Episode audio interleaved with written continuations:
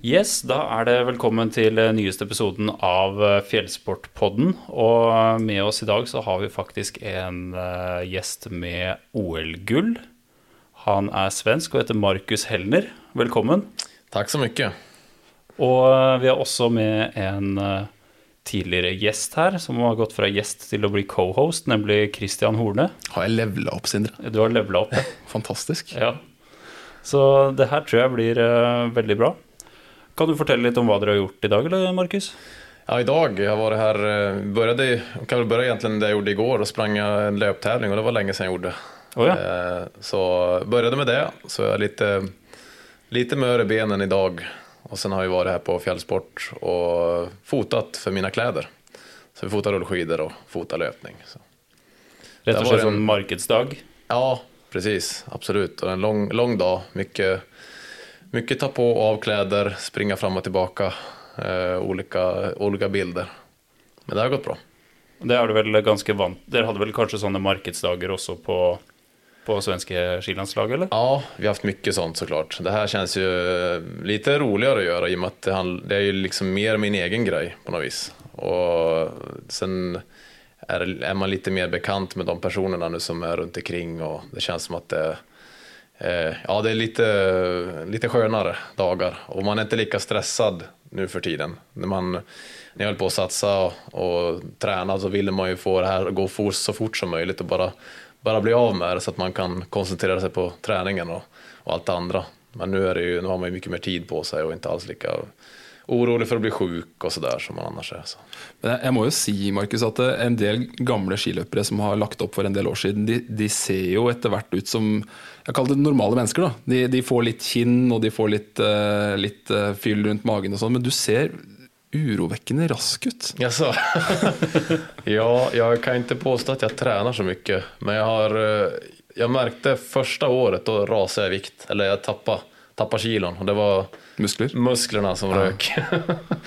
så jag har försökt att vara i gymmet och sådär men det går tungt. Så det, jag har mycket lättare att ta mig ut och springa eller åka skidor. Hvor mye kutta du i treningsmengde da? Da du slutta? Ja, ganska precis allt Ja. i, i början alltså. Eh, så jag gick nästan från 100 till 0 första sommaren.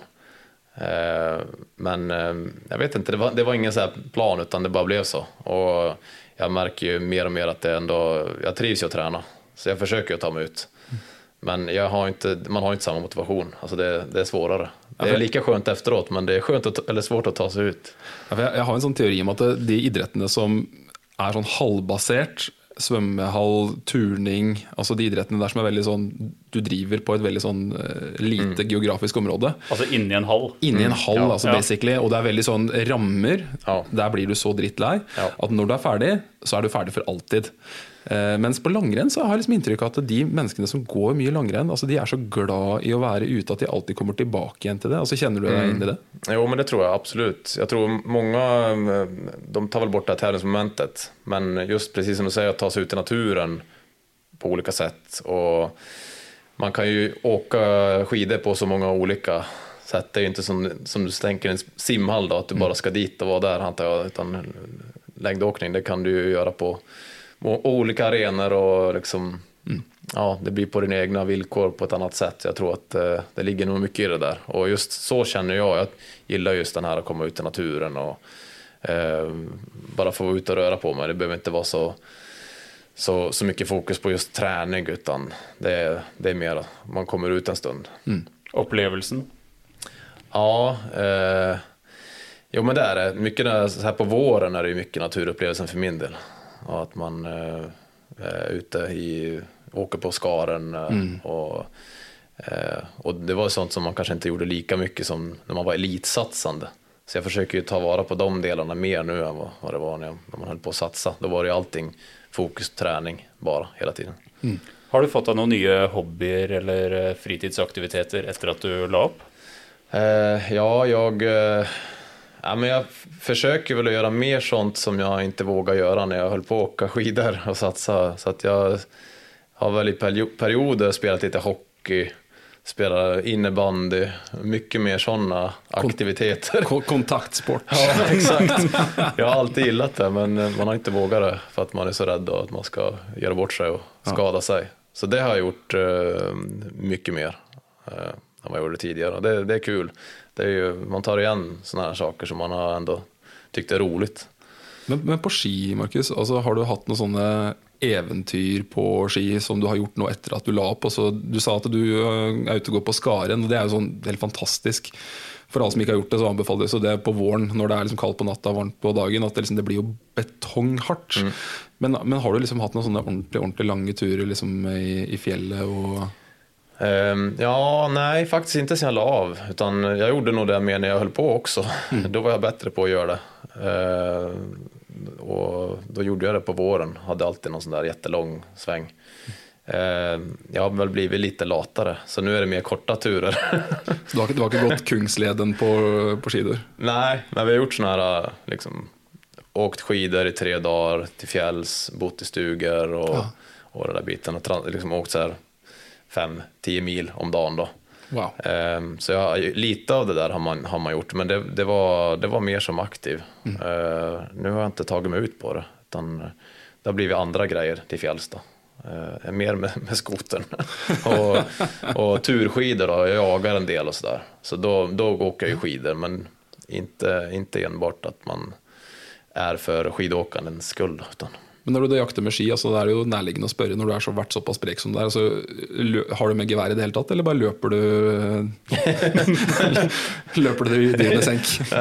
Nej, geväret är med, det är det. Men eh, det, är- man, har, jag har haft, man har ju fördel att man har varit, eh, hållit på med det här och fått kondition. Så den är ju fin att ha med sig när man är och jagar. För det, det är ju stripjakten så där till fjälls, den kräver ju kräver mycket mot, eh, kondition och att man orkar. Så den har varit bra. Apropos sånn skieventyr, er det ikke sånn der konkurranse i Norge nå gjennom hele vinteren om å gå lengst mulig på 24 timer?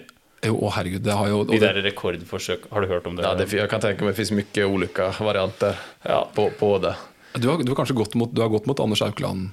Husker du Anders Aukland? Ja, ja, jo, jo, vi har ju mötts sådär på läger och så, men han eh, tror han började satsa långlopp ganska tidigt. Ja, ändå. stämmer. Så han, han var inte på norska landslaget när jag, när jag var med liksom, i, i svenska, men han, vi, har ju, vi har ju sett som mötts där någon gång, det har vi. Ja, for han la jo opp i år. Ja. Eh, han, han la jo opp i en alder av 50. Eh, og, han, eh, og han hadde en sånn helt idiotisk lang skitur. Det jeg tror det er sånn kort, kort historie da, Det begynte under korona. Ingen skiløpere kunne bruke formen sin på noe Ja. fornuftig. Ja, det var sånn det var, ja. Ja, da, og da begynte det med at Anders Aukland, og jeg lurer på om det var Hans Christer Holund Ja, jag tror jag, jag, jag minns det där. Det var, de var flera, jag minns att det var helt, helt sjukt hur långt de åkte. Jag Ja. kommer inte ihåg det, men jag minns att det var så här, ja, Det endte vel med at Anders Aukland bare dret i den 24-timersregelen. Han bare så hvor langt han kunne gå i det hele tatt. Og da Ja. tror jeg han gikk over Kan det stemme at det var over 70 mil? Ja, det er syv er det tallet jeg sitter med bak i huet her nå, så det er et eller annet der, ja. Visst det det, de åkte någonstans nere, det är Oslo, det var, de var nere på någon sjö till slut Ja, va, som de körde, bara låg och malde. Og det var jo is. Det, altså, Ja. det gikk jo på is. Det var jo, og jeg tror Anders Aukland liksom hadde Hendene hans så jo ut som Ja. pølser, liksom. De var jo ja. helt ødelagt. Helt otroligt. Ja, det, det, det, den mannen har ju, har ju pushat den gränsen. Eh, otroligt mycket Ja. alltså. Det är ju häftigt att se. Det var, ikke noe sånn tilsvarende i Sverige under sånn? Jag vet inte. Jo, men det tror jag. Det, fanns, det, det, det ploppade upp, vet jag, mycket så här sådana utmaningar från skidgymnasium och sådär. Där de, de gjorde som, istället för att tävla då, så vart det ju mycket sånt. Försöka åka så långt som möjligt. Och det var ju inte i den nivån som han gjorde, men det blev en sån, jag tror det vart en liten sån kultur där ett tag, att man, man gjorde det. För att kunna göra något extremt. Men var det ikke han godeste tidligere supersportambassadøren som gikk på en smell på det der?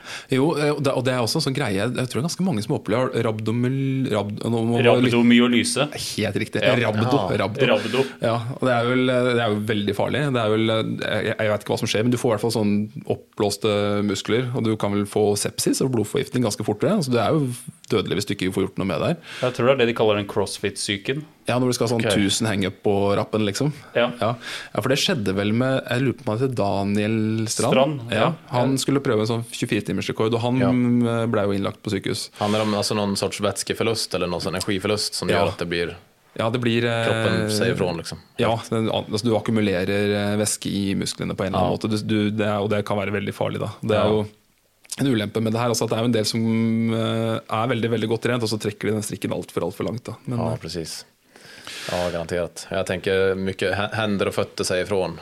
Så hade det nog varit för min del i alla fall. ja, ja, det tror jag. ja, helt klart. Det, det gäller att vara hård och klara av det där så lång tid. Alltså. Eh, Du sa det jo litt innledningsvis, eh, Markus, men du har jo et eget merke som heter Helner. Og Ja. jeg tror mange kanskje ikke vet, kall det at det er ditt merke Nej, i Norge. så kan det nog vara kanske. Ja. Men det har jo blitt utrolig populært nå den siste tida. Vi ser jo det både på salgstall og alt mulig for Ja. oss også. Så lurte jeg litt på hva var ditt eh, på en måte mål med Eller hva er ditt mål med merket?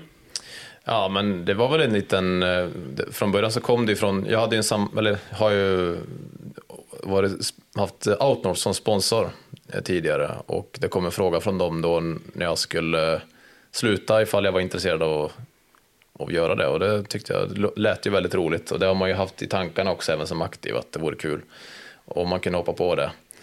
Och, och så blev det och sen eh, körde vi ett test ett år med ett av deras befintliga märken och tyckte bara att det kändes bra. Jag var ju väldigt sådär, eh, man är ju mån om när man sätter sitt namn på någonting att det ska kännas bra och att man ska kunna stå för det och, och att det är folket som man då samarbetar med att det ska bli rätt. Så det var fint att ha det där första året, att man kunde pröva på det lite. Eh, men då bestämde vi oss liksom tillsammans att köra på eh, och lanserade det i Sverige.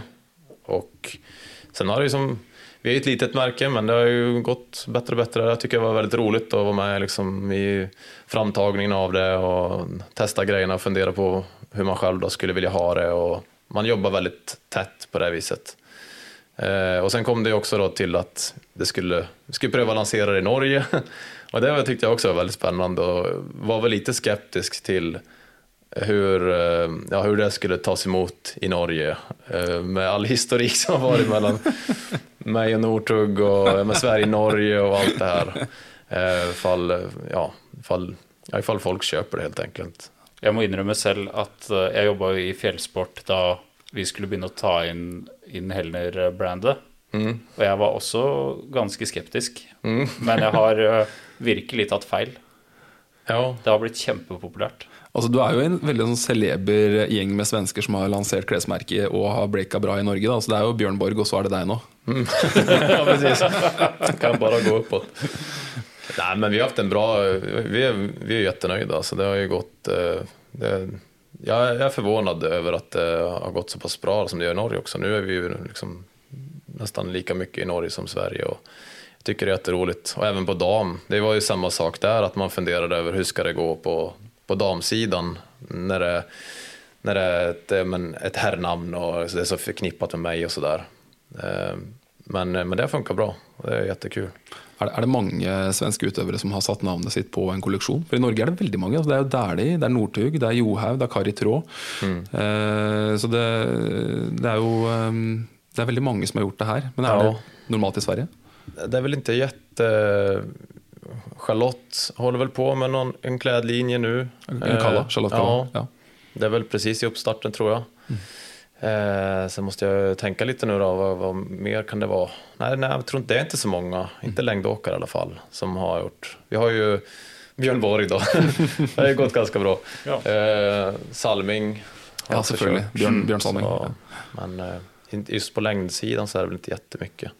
Men Kjenner du mye på det her med kvalitet? Altså at du på en måte er eh, For jeg vil, jeg vil jo tro at når du på en måte slipper et merke ut i markedet og setter faktisk etternavnet ditt på det, så, så må det jo være en, en viss grad av liksom redsel for at det her er bra nok.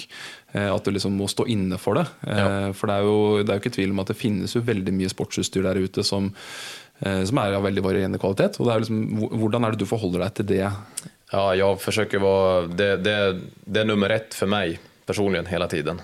Eh, och det är väl det som är min, min, min del i det och mitt sätt, alltså just att jag ska kunna sätta mitt namn på det, precis som du säger, och att jag ska kunna vara, vara, kunna vara stolt över, över eh, grejerna och kunna gå i god för dem. Eh, det kom, de kommer givetvis inte passa alla för alla, men vi ser ju lite olika ut och sådär, men vi försöker ju få till det bra. Men just att kvaliteten på att de håller och att de håller en bra klass, det är superviktigt för mig. Och, och hittills har det funkat bra. Vi, vi, har liksom, vi har haft samma mål där. Att, att det är ju givetvis så att ett plagg som också håller kvalitet, det säljer ju bättre också i längden. Mm. Så, att, eh, så att jag tror alla har den viljan. Men det gäller ju att alla ska jobba för det också. Eh, att man inte tappar bort sig på något, på något vis under, under vägen. Det kan ju vara lätt att man vill sälja ut också. Liksom. Att man har, ett, man har en produkt och så är det lättare att skapa något billigt som man säljer. Men, mm. Eh, men, nej, men hittills vi, vi är noga och vi känns det som att nu har vi fått kunder som, som tror på oss och litar på oss. Då vill man ju fortsätta leverera också. Mm. Men hur upptatt var du av utstyret då du var aktiv utøver? For jeg husker eh, veldig godt et sånt klipp med Petter Northug hvor han sitter og klipper av den lille lappen inni alpina skiskoen hans. og så husker jeg han sa at Nei, han eh, Kan du ta det på trønderdialekt? Nei, jeg, jeg, jeg, jeg, greier ikke Jeg greier ikke parodi. Men uh, han sa i hvert fall at uh, hvis han da ikke Eller når han stelte seg på startstreken, så ville han være 100% sikker på at han hadde gjort alt i sin makt for å ha marginene på sin side. Mm.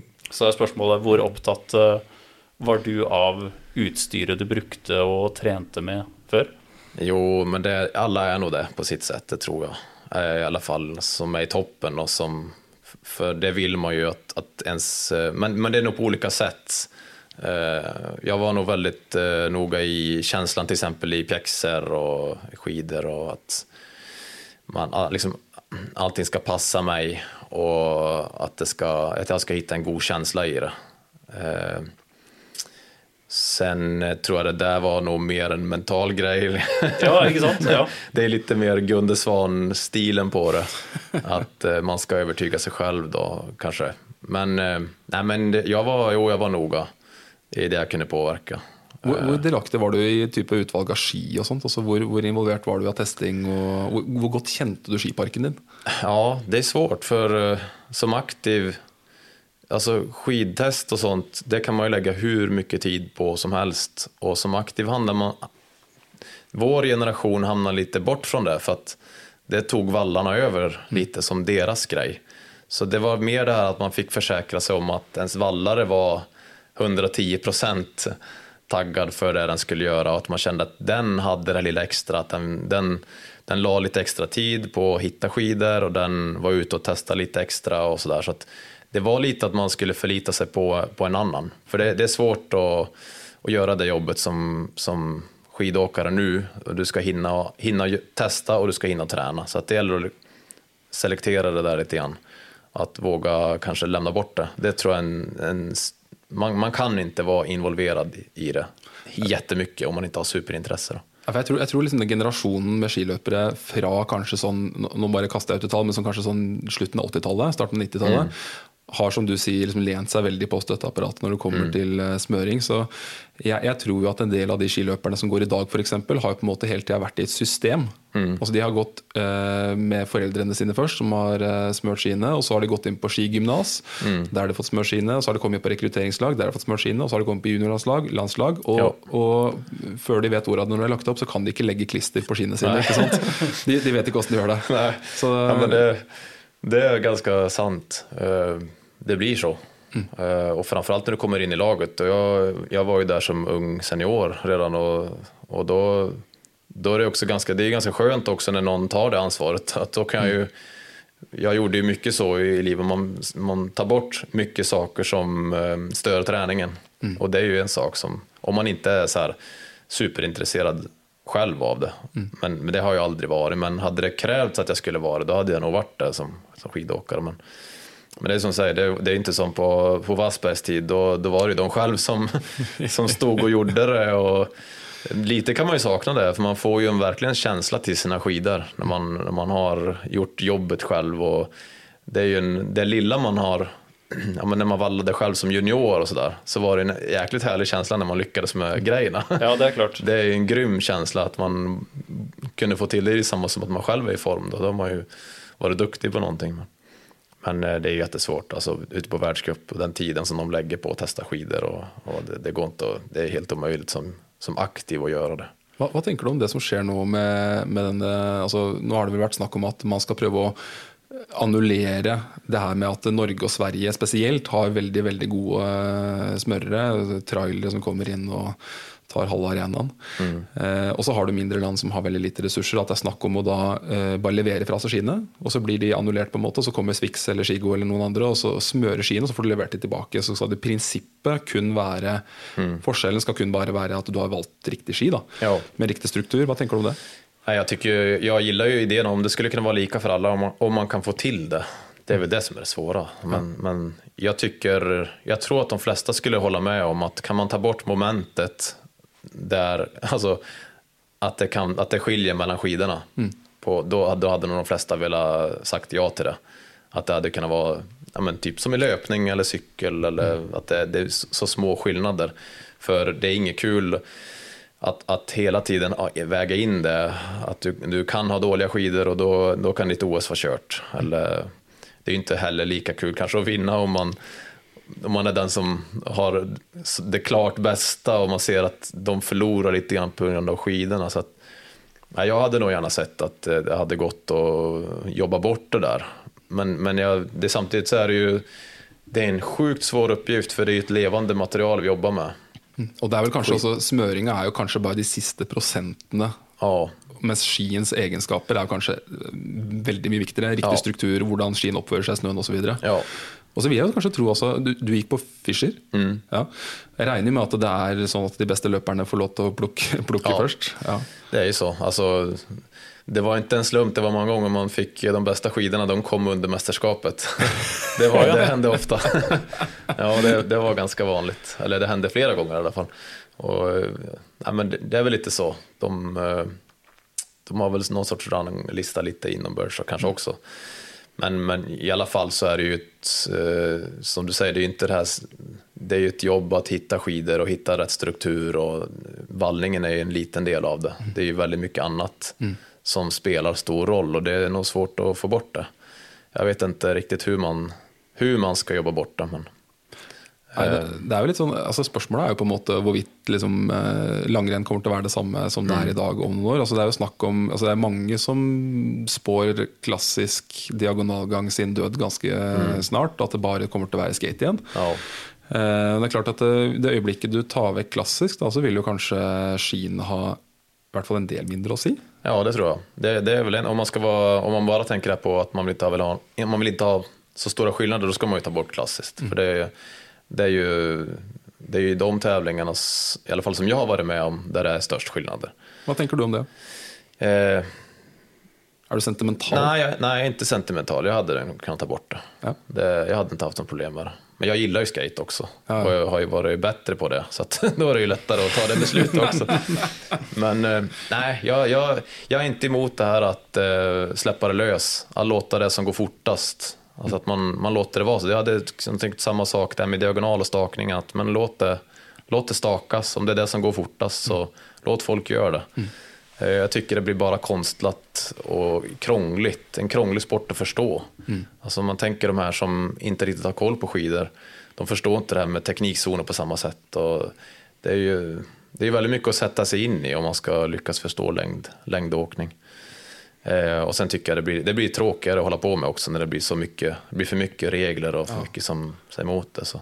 Vad tänker du då på, alltså type, ikke på klassisk allround-langrenn, men på, på type lopp som Vasaloppet, Marcialonga, de løpene der. Hva tenker du om teknikk der? Da? Altså, tenker du at det hadde vært bedre bare sluppet det helt løst der också? Ja, jag, jag tror det. Ja. Jag, jag, tror man, man var väl i ett vägval, vad jag förstår, var det 80-90-talet då när det kom skate, vad man skulle göra. Och det var ju väldigt mycket emot skate, att man skulle ha det. Och man bestämde sig till slut för att det ska vara både och hade man bestämt sig där att eh, vi kör skate, då hade ju, jag tror folk hade vant sig mm. ganska fort mm. eh, och hade anpassat sig och det tror jag hade, jag tror det är samma sak nu. Alltså hade man, hade man velat gå på den linjen så det är bara det är som att titta på skidskytte, där är det ingen fråga om att Nej.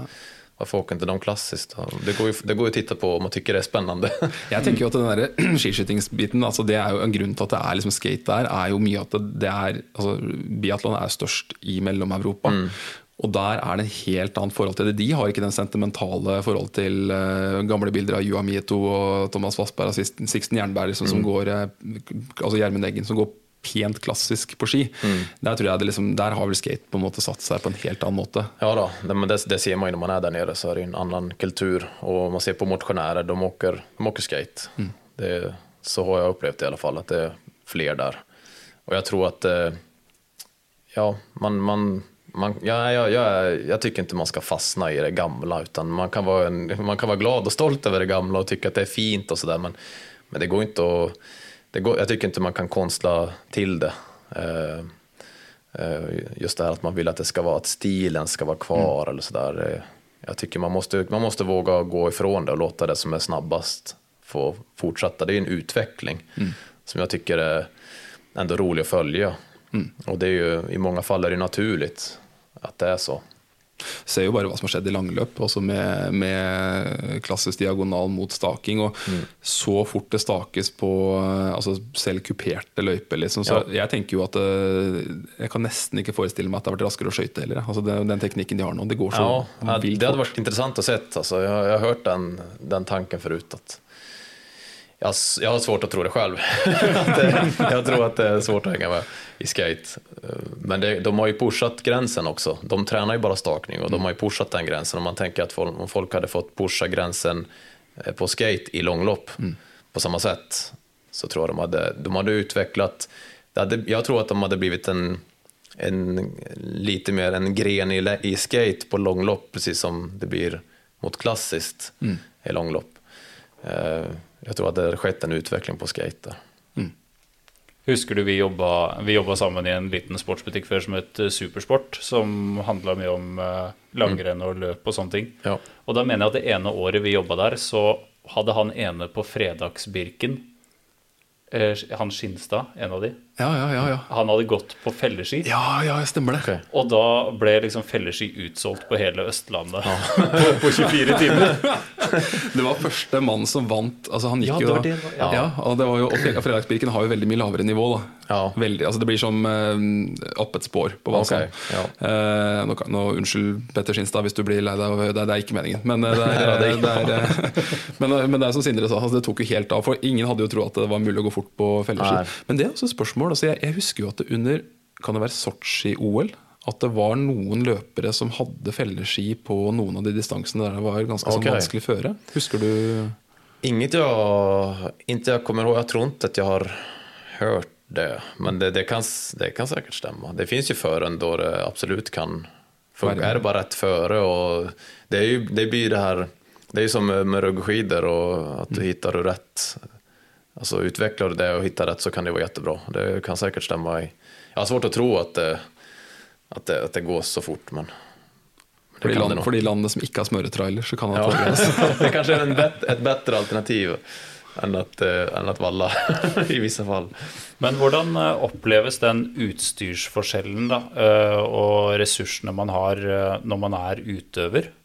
Er det litt sånn at hvis du møter opp eh, på en verdenscup, og så ser du på de landene som ikke har så mye midler, og tenker litt sånn Ja, litt empati, liksom? Eller hvordan oppleves det? Nej, jag tycker att eh, jag har inte upplevt det. Alltså att, att de skulle ha så pass mycket sämre. För, för de är också mindre team, de är mindre åkare många gånger. Och de, de, eh, de jobbar på ett annat sätt, eh, har jag med. Alltså, det, det är en sak, och speciellt Norge har jättestort lag ofta med. Och det är imponerande att leverera till alla åkarna och, och klara av det. Om man tänker på Schweiz och Darja Kologna så är det sällan han haft dåliga skidor. Utan då har de haft Ja. ett starkt team, men då kanske de har jobbat mer kring stjärnan då, kring han. Att de ska leverera bra grejer. Ehm, Men, men han har ju ofta haft bra skidor, men trots att han kommer från ett ganska litet lag med säkert mindre budget. Så du tror kanskje det er, det er semre å være utøver nummer tre og fire på et lite lag enn Ja. utøver nummer én? Jo, det tror jag. På ett sånt lag så tror jag det. Att eh, det är väl bara en spekulation. Men, men jag tror att, eh, att eh, de, de med högre budget klarar av att leverera till fler. Men, men det går ju att lyckas. Och är du en duktig, duktig vallare och har eh, lite så här känsla för hur det kommer att bli och kan Eh, kanske kan, eh, du kanske inte behöver testa lika mycket utan du kanske går på mer, ja, jag vet, jag antar att det är lite mer så att de får, de testar mindre men de går mycket på erfarenhet och eh, ja, de klarar sig den vägen. Det är, det är sällan man har upplevt att, att de, lag, de här mindre lagen har så mycket sämre skidor i alla fall. De, de brukar kunna hänga med ganska bra, tycker jag. Men, vad tänker du om skillnaden mellan Norge och Sverige? Alltså sån, eh, du har ju varit, du har, Hvor mange år var du på svenska landslaget? Ja, jag var väl 12, 13, 12 år, något sånt. Hvordan opplevde du på en måte forskjellen på, på For du, jeg regner med at dere møtes jo hver eneste helg, på en Ja. måte, med tanke på ressurser og, og trenerapparat. Ja. Og, Ja, precis. Nej, men eh, jag tror att eh, det är jättesvårt att säga, för man har ju inte någon, man har inte någon vetenskaplig analys på vilka som har haft bäst skidor, om man har kunnat tänka så då, genom, genom åren, och vilka som har lyckats bäst. Men, men generelt støtteapparat, liksom. Mm. Altså hele opplegget rundt, på en måte. ja, nej, men det tror jag har varit, ja, men det tror jag har varit ganska lika på något vis. Eh, Vi har jobbat på ungefär samma sätt, kanske att de fokuserat vissa gånger mer på höjden och varit där på läger. Alltså lite skillnad på det viset. Lite olika träningsfilosofi kanske. Ehm, men ehm, jag tror att båda har varit, det har ju varit professionellt och det har ju lagts mycket resurser på det. Eh, svårt att dra igen, för det, ju, det skedde ju en utveckling under mina år som om man tänker budgetmässigt eller hur mycket pengar man hade råd åka på läger och sådär. Det var ju en stor skillnad från när jag kom in i laget till sista åren så, så hände det mycket. Var det, var det da snakk om at det kom større sponsorer inn og Ja. gjorde det mulig? Det, det är mer sponsorer och ja, mer pengar in. Vi, det var ju bättre resultat eh, under många år där som gjorde att, och jag tror att man jobbade mer också för, eh, var mer aktiv med att söka sponsorer, eller hela den biten. Eh, och det kändes som att vi fick en annan nivå på det. Där det, det vart ju även en högre kostnad om en- den vall- valla-biten med en valla-lastbil och trailer och allt det där som gjorde att det drog iväg. Eh, så det har nog skett en utveckling, det tror jag. Även i norska laget så tror jag att det har blivit mer. Mm. Jeg, tror, jeg tror det skjedde veldig mye da Aker kom inn som sponsor. Ja. Eh, At det økte budsjettene en del. Og så er det jo så er det mye snakk nå da, liksom, hvordan det er med interessen rundt langrenn. Altså, eh, og det her blir bare synsing fra min del, men jeg, jeg opplever jo at uh, allround-langrenn eh, og det kan også ha med, med hvem som dekker det på TV og sånt her i Norge, men at eh, langløp, eh, altså langløp dem, dem øker ganske mye i interesse. Og så opplever jeg at liksom, det står litt sånn på stedet hvil, kanskje, med allround. Og så og ser vi, men samtidig så ser vi også at disse mosjonsløpene, Birkebeinerløpet f.eks., eh, det går, interessen går liksom nedover der. Men jeg har inntrykk av at i Sverige så holder liksom Vasan stand. Jag, jag, jag, inte, jag, har inte, jag har dålig känsla för hur, hur intresset är och hur det har utvecklats, måste jag säga. Men, men jag, de åren jag höll på så kände jag att det var en skillnad. Sen nu efter att jag har slutat så har jag svårt att... Eh, jag kan inte värdera det, men jag tycker under de åren som ja, de åren som jag höll på, då upplevde jag att det var stor skillnad i Sverige. Och jag, jag upplevde en stor förändring då SVT började köra vinterstudio och så där. Då, då började vi känna att det var ett annat tryck och att folk hade en, de, de fick en större koll på skidor. Husker du når det var? Nej, men jag, jag minns ju där kring 2009-10, så undrar om det inte var då. Det var ju även då vi lyckades ju bra på OS i Vancouver då, som lag och jag själv också. Eh, och jag tror att det, det, kom ett in, det kom ett stort intresse där, plus att situationen med Petter och alltså hela det här med Norge mot Sverige, det blev ganska stort då, för Petter slog igenom och var riktigt starkt då eh, från Norge och vi hade några i Sverige då, med mig och Johan och Daniel och Anders som var som, som mötte upp ibland. ja, men jag tror att det blev ett, det, det, var ett, det var intressant att följa då tror jag och plus att SVT, det var som en timing i det där. Plus att vi hade Charlotte också som lyckades och det var ju väldigt efterlängtat på svensk, på, på damsidan. Någon som, som, eh, som verkligen tog tronen där då. Eh, Så det, det kände man, alltså att det blev mycket mer etablerat, i alla fall i Sverige. Men det är jo intressant det du säger, eh, eh, Markus, med, med Petter Northug. för det är ju det, det, er jo en sånn ting som sannsynligvis også kan være med å forklare litt at liksom, interessen kanskje daler litt i Norge, i hvert fall. At det er, eh, det er ingen profiler som liksom skaper skikkelig sirkus og show. Nei. For det, den der eh, feiden mellom deg og Petter Jeg veit ikke hvor uh, ektefølt det var, ja, men det at man, han kasta ut noen stygge sitater, og så fikk han noen tilbake igjen, liksom, det gjorde at det blei ble veldig kult å følge med. Ja, det tror jeg. Han, han, har stor, han, har stor, del i det der. Mm. Det var han. Eh, det var många som eh, antingen tyckte om honom eller hatade honom i Sverige och det var säkert likadant i Norge. Men det, nej, det, var, det vart ett stort... Han, eh, jag tror att uh, han gjorde att det slog igenom bland unga mycket mm. mer. Ja. Förut var längd mer än sport och så för, för, att, för de lite äldre generationerna att följa. Mm. sen slog det igenom mer hos, hos den yngre och då hakade medierna på.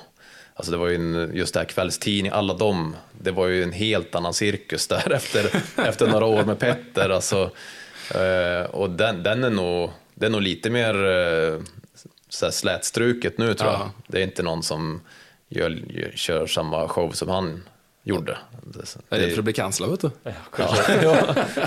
Men hur upplevde du hela det cirkuset där med medietryck och? Ja, för mig var det ju en stor, eh, alltså jag var ju kom ju från en liten by i Lerdala och hade inte så stor erfarenhet av media eller framgång. Det gick väldigt fort för mig. Så jag, jag, jag gillar ju liksom, jag gillar att vara, för mig, vara i fred, lite sådär. Eh, så det var, ja, det var en stor förändring för min del. Eh, plus att man hade Petter också då. Det var liksom, man hade inte bett om att man hade en, en Petter som högg på olika håll.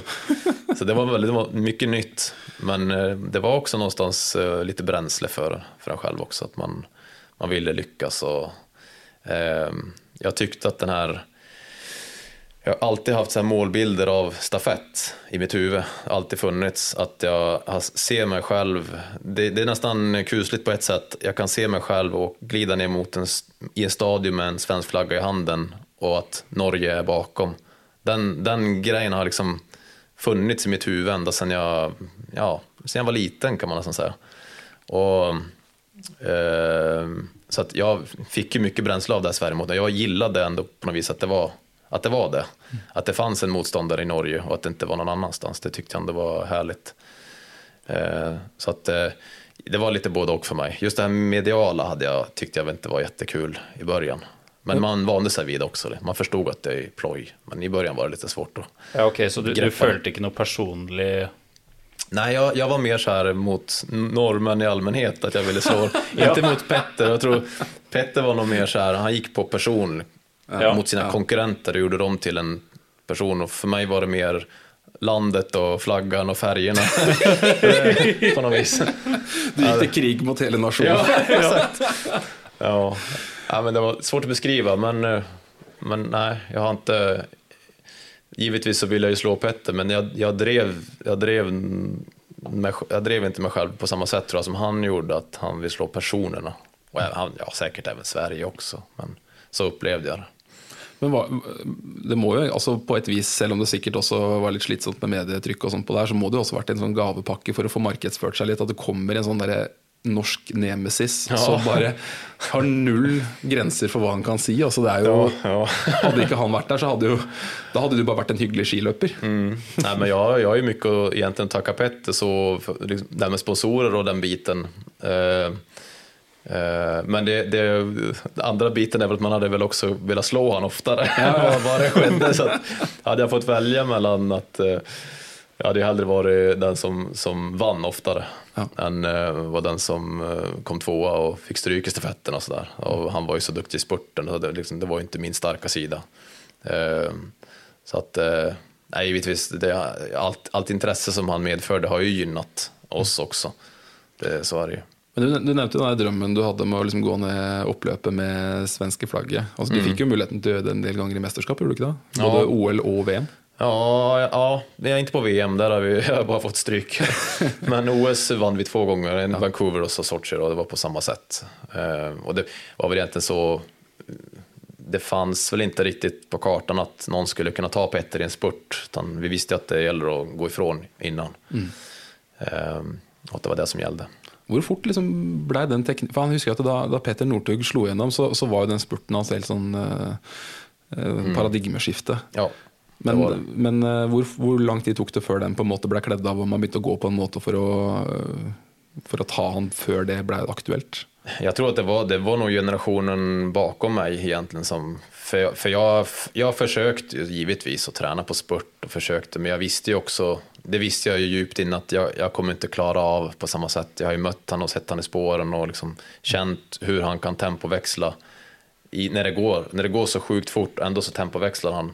Och, och det förstod jag ju innerst inne att det är svårt för mig att klara av det.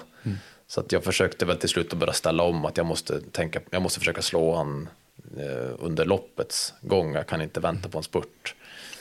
Eh, så det var nog generationen senare tror jag som tittade mycket på Petter och man såg ju att ungar började åka som Petter. Ja. Så man förstod att där, där kom de som skulle utmana han, men det är ju- var ju så här tio år senare. Han var ju långt före i sin, ja, i sin tid om man säger så. Ja. Men var det ikke han også som på en måte stoppa opp et halvsekund i oppoverbakke?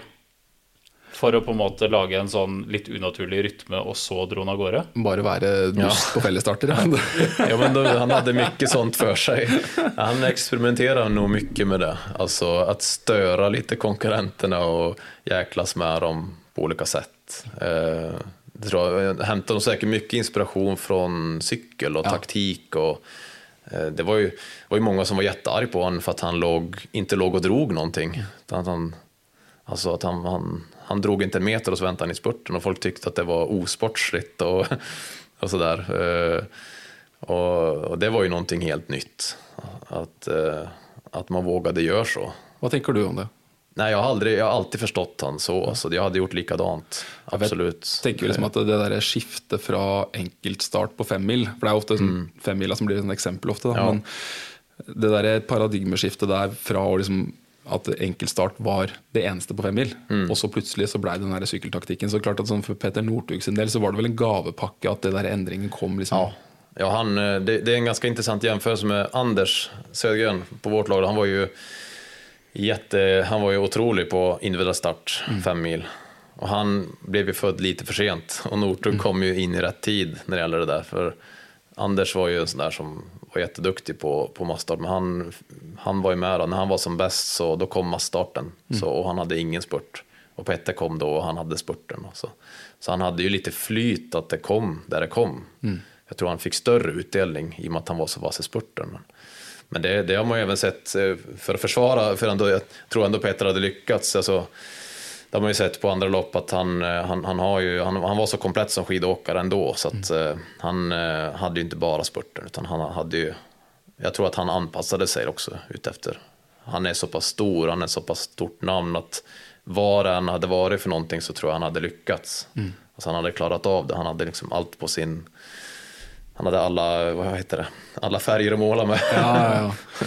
Men, men deg som skiløper, da For at du tok gull på 30 km jaktstart, jo, kan det stemme, i OS. jajamän.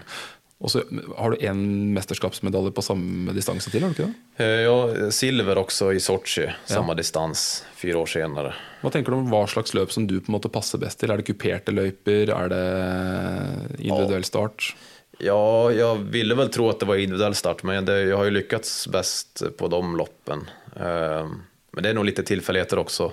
Jag, jag behövde tuffa banor, mycket uppför. Ja, for du er ganske lett. Ja, jag, jag var ju stark där. Eh, Det var ju absolut min styrka. Och alla de sprintar som jag har lyckats på så är det ju tuffa banor. Hvor er du, hen? Vad sa du? Hvor er du vokst opp hen? Hvor er du født? Utanför Skövde, mellan eh, sö söder av Sverige. Ja, hvordan er terrenget der? Er det mye bakker, eller? Eh, jag åkte mycket rullskidor som barn och småkuperat. Ja. Men eh, inte så att eh, jag åkte extremt mycket backar. Men, men jag, jag, jag, var ändå, jag specialiserade nog mig tidigt på det. Alltså att bli bra på det. Och hade det, tränade mycket backe och tränade mycket treans växel och sådär i, skate. Och, eh, så jag, jag, jag, jag har tränat det mycket. Inte, jag har inte lagt samma krut på det här med tempoväxling och sådana saker. Hvordan har treninga utvikla seg i de åra du var aktiv? Altså, hvordan har du utvikla deg med treninga? Ehm, ja, det blev mer, mer och mer fokus på överkropp under mina år. Styrke? Ja, styrketräning, eh, liksom bålträning, eh, mer fokus på stakpass, eh, att klara av, klara av att, att staka i olika terränger och eh, lägga hela pass, stakning uppför och att verkligen, ja, mycket fokus på bålen ska jag säga eh, och klara av över, överkroppsdelen. Sen eh, på slut även mycket det här med snabbhet, att eh, lägga mer. Man trodde man gjorde nog, men gjorde inte nog. alltså lägga ännu mer tid på impulser och starter och sprint och hela den biten. Ehm, det, är mycket, det är mycket som skidåkare att träna idag om du ska vara duktig både traditionellt och sprint. Och, och jag var ju som i ett mellanting där hela tiden, så jag försökte göra lite av allt. Och det, det, det är svårt, det finns det är liksom både klassisk skate, långt och kort och det, det är mycket man ska hinna göra. Det är svårt, det är det, det som kan vara svåra tycker jag. Du var jo ganske komplett løper. da. Altså, du har jo gull på sprinten fra VM i 2011. Yes. Forferdelig at den svenske tok det på hjemmebane i Ja, Oslo. ja det, var, det var nog min största grej tror jag. Foran Petter Northug Södergren. Eh, nej, Petter var tvåa, sen var Emil Jönsson trea. Emil Jönsson var det. Hattestad var fyra, femma och sånt tror jag. For det er jo nærliggende å spørre, da. Så det, det VM-et var jo veldig Det var ekstremt mye mennesker der. Ja, det var det är det största. Alltså, VM i Holmenkollen är nog det största jag varit med om. Rent så här, sportsupplevelse Ja. och tävlingsupplevelse. Det var helt Er det pga. atmosfæren? Ja, det är en helt absurd grej för en längdåkare. Man är inte alls van. Det är som att komma in i alltså en gryta som bara kokar med normen. och ja, det, ja, man njöt av det faktiskt. Alltså, det var riktigt häftigt hela tiden. Och jag, jag minns den häftigaste upplevelsen var på femmilen var inte min stora chans, men det var när vi kom på femmilen, det var ju massstart och så kom vi ner mot Frognersätern första varvet då folk har suttit där och väntat. Och så är det som en stor, ja det är en, en stor vägg med folk bara. Ja. Och de reagerar ju när vi kommer första klungan där och det, det var sånt dån alltså. Så det, det var, då rycker man till, till och med när man åker, att, att shit vad stort det här är. Hvordan er det sammenligna med mesterskap i f.eks. Falun? Ja, jag, jag tycker ju Holmenkollen, det värderar jag högre. Jag lyckades ju bättre där såklart. Men, men nej, det var också en härligare stämning som åkare tycker jag var dit. Även fast det var på hemmaplan och så i Falun så, så tycker jag att Holmenkollen, det var, det var häftigare på något vis. Det var, och det, det är härligt och Norge har ju sån skidtradition på något vis. Så man känner verkligen när man är i Holmenkollen så, inte för att jag har så stor koll på norska resultat genom tiderna och sådär, men man känner att det finns en, ja, det, det finns en historia som går långt tillbaka och som är tung och den känner man när man är i Holmenkollen på folk och allting, hela stämningen, atmosfären. Så, så den är häftig och så är det ju det är liksom coolt att få vara med på ett så stort mästerskap, att man har turen under sin karriär. Ehm, och sen även att jag lyckades. Men det, det kanske har en del med det, att man njöt så mycket av det. Jag tror att det ger också lite form och tändvätska. Att man trivs så pass bra. Det er mulig det er litt dumt spørsmål, men er det vanskelig å være sliten når du har hele den veggen som står og brøler? Nej, alltså Får, det, får du mer energi av det? Ja, ja, ja, jag fick. Jag kommer ihåg, jag var så uppumpad under sprinten i Holmenkollen. Det var, det, det är nog få gånger jag har varit så, haft sånt adrenalin efter varje Ja. hit och man känner, vi hade ju en läktare bakom oss i starten med 5000 pers och sen var det ju framför oss var det också likadant och det- var, ja, det var sånt dån och nej, jag vet inte. Eh, Just att det var, det var jag såg ju allihop som konkurrenter, men man blir taggad av det. Liksom. alltså, man, Ja, for Det er også interessant det der du sier at liksom du ser på altså du har jo, det, var jo nesten bare nordmenn som sto heia i skogen der. Ja. Eh, og Øystein Pettersen han har jo fortalt om eh, sprinten eh, for det, Der ble resultatet veldig skuffende for Øystein. Ja. Eh, hjemmebane, han bor altså 10 kilometer, jeg vokste opp 10 km unna Holmenkollen. ikke sant? Eh, og Der gikk det dårlig, og han tror jeg nok eh, altså, For han var jo i kjempebra form da, men han tror jeg rett og slett hadde for mye forventningspress, og det var så mye folk som heia. Så kan det, altså, tenker du at det var en fordel at du var på bortebane? At du faktisk, selv om folk heier på deg, så er det faktisk en som du sa i stad, det er nasjon du har lyst til å slå? ikke sant? Ja, nej, jag vet. Ja, det är på både. Jag, jag kan bli likadan hemma i Sverige. Alltså, när jag tävlade hemma i Gällivare så där, där är det samma sak. Att då, då växer jag av det också. det är inte alls lika mycket folk, men just att det är folk som är där och, och tittar på en och hejar på en och hela den biten. Det, det, jag växer nog av all publik på något vis. När det inte är publik, då åker jag nog lite sämre tror jag. Så att, eh, men, eh, men visst, hela grejen där i Norge var det var, det var mycket tändvätska. Och jag kan förstå att som hemmaåkare, om, om man har lite, alltså om, om det hamnar åt fel håll det där. Mm. Och det, är, det är jättesvårt att styra det där. Eh, om man tar det mer som press och om det börjar växa i en att, att det här är folk som... De, de du skuffar dem liksom? Ja, du kan förlora också. Ah.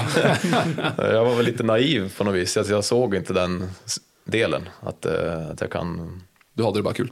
Ja, just då i alla fall. Det var, det var riktigt... Eh, jag hade, det var häftigt, mycket adrenalin och eh, ja, bra form i kroppen. Det kände man, förstod ju det mer och mer under den dagen. Det mm. växte ju det också.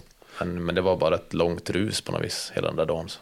Men det skjedde jo også noe på stafetten, som jeg tror ja. veldig mange husker. og Det er jo liksom, det er ikke for å rippe opp i det, det jo, men det er, apropos Petter Northug. Altså dere ble nummer to på stafetten. Ja, yes. Men da gjør jo Petter Northug en manøver på ankeretappen rett før mål, der han stopper. Og så, og så tverrstiller han skiene ja. parallelt med mållinja, og så ser han på dere, og så hopper han over.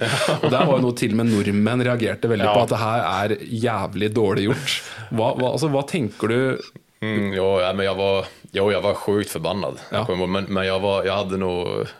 Jag kan ju nu se det som humor, men, men jag, var ju, jag var förbannad alltid när jag fick när vi var tvåa sådär och det var så irriterande att bli ja. frånåkt av honom. Ja. Alltså, jag var nog mer irriterad av att han röck ifrån en så lätt.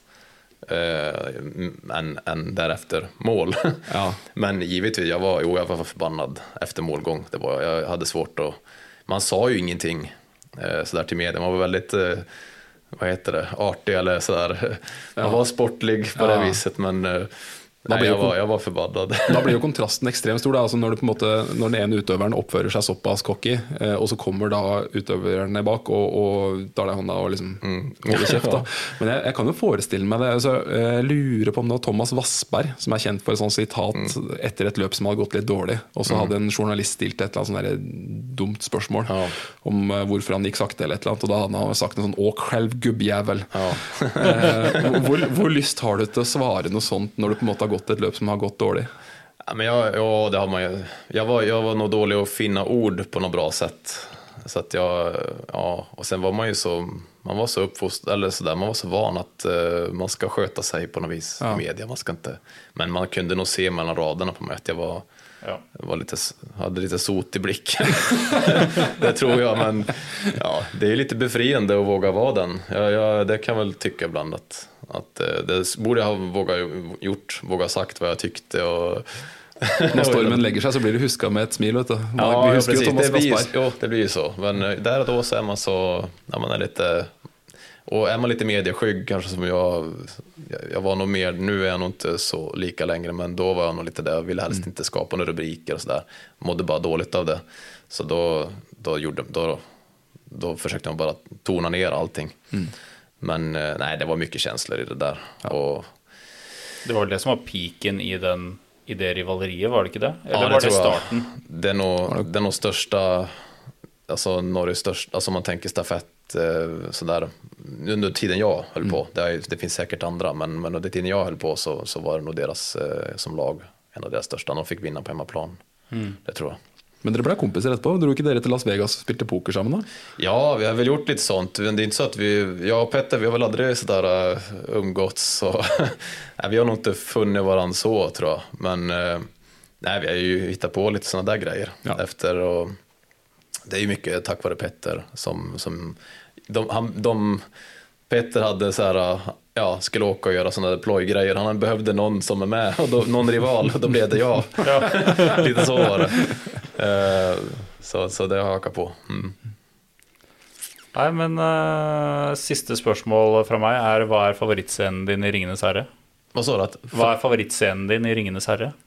Oj, favoritscenen? ja, jag vet inte. Ingen aning.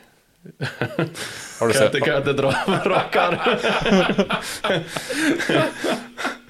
Nej, det får jag, ja, jag har sett den, det har jag. Men jag kan inte, jag kan inte säga, jag vet inte. Ingen Nej. aning. Jag är inte något stort fan så. Deg da, Christian? Nei, jeg, jeg, jeg er jo litt sånn sentimental type, så jeg liker jo den der siste scenen når hobbitene drar eh, og trollmannen drar ut av Midgard. Da begynner jeg å gråte hver gang. Jeg hadde jo, jeg hadde jo en veldig lei eh, nå, det er Kanskje det er litt off topic på den podkasten, men eh, jeg hadde jo noen år der jeg samla alle vennene mine på Da var vi 16-17. Så så vi alle Ringenes herre-filmene i sånn extended edition. I, Ja, är det? det är ju typ 10 timmar eller något. Eller? Ja. Tre- 13 timer og 56 minutter. Det er jo, shit. altså jeg vil si at det er verre enn Nordenskioldsloppet. Og, og, du, og da husker jeg at vi hadde sett hele skiten og hadde lidd oss hjemme. Altså det er jo det er jo som en treningsøkt, liksom. og bare at du spiser bare skit, liksom. Så det er jo, du føler deg jo som eh, Føler deg så sjukt dårlig. Og så kommer da siste halvtime Så kommer en kompis inn som ikke har sett filmene før. Han har aldri sett 'Ringenes herre'. Og vi sitter her med sånne alvekapper og sverd og, og, og, ja, ja. og så kommer han inn med helt vanlige klær, og så, og så sier han Hvorfor har de hår på føttene sine? Og da var det rett før han ble spidda med det sverdet. Det jeg Ja, det- forferdelig. Ja, men eh, nå føler jeg virkelig vi har vært gjennom alt. Eh, tusen takk for at eh, du ville komme hit, eh, Markus. Og Ja, tusen takk, eh, Christian.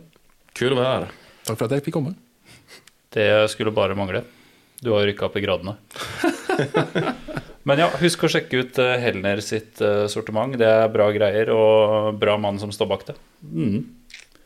God tur, da.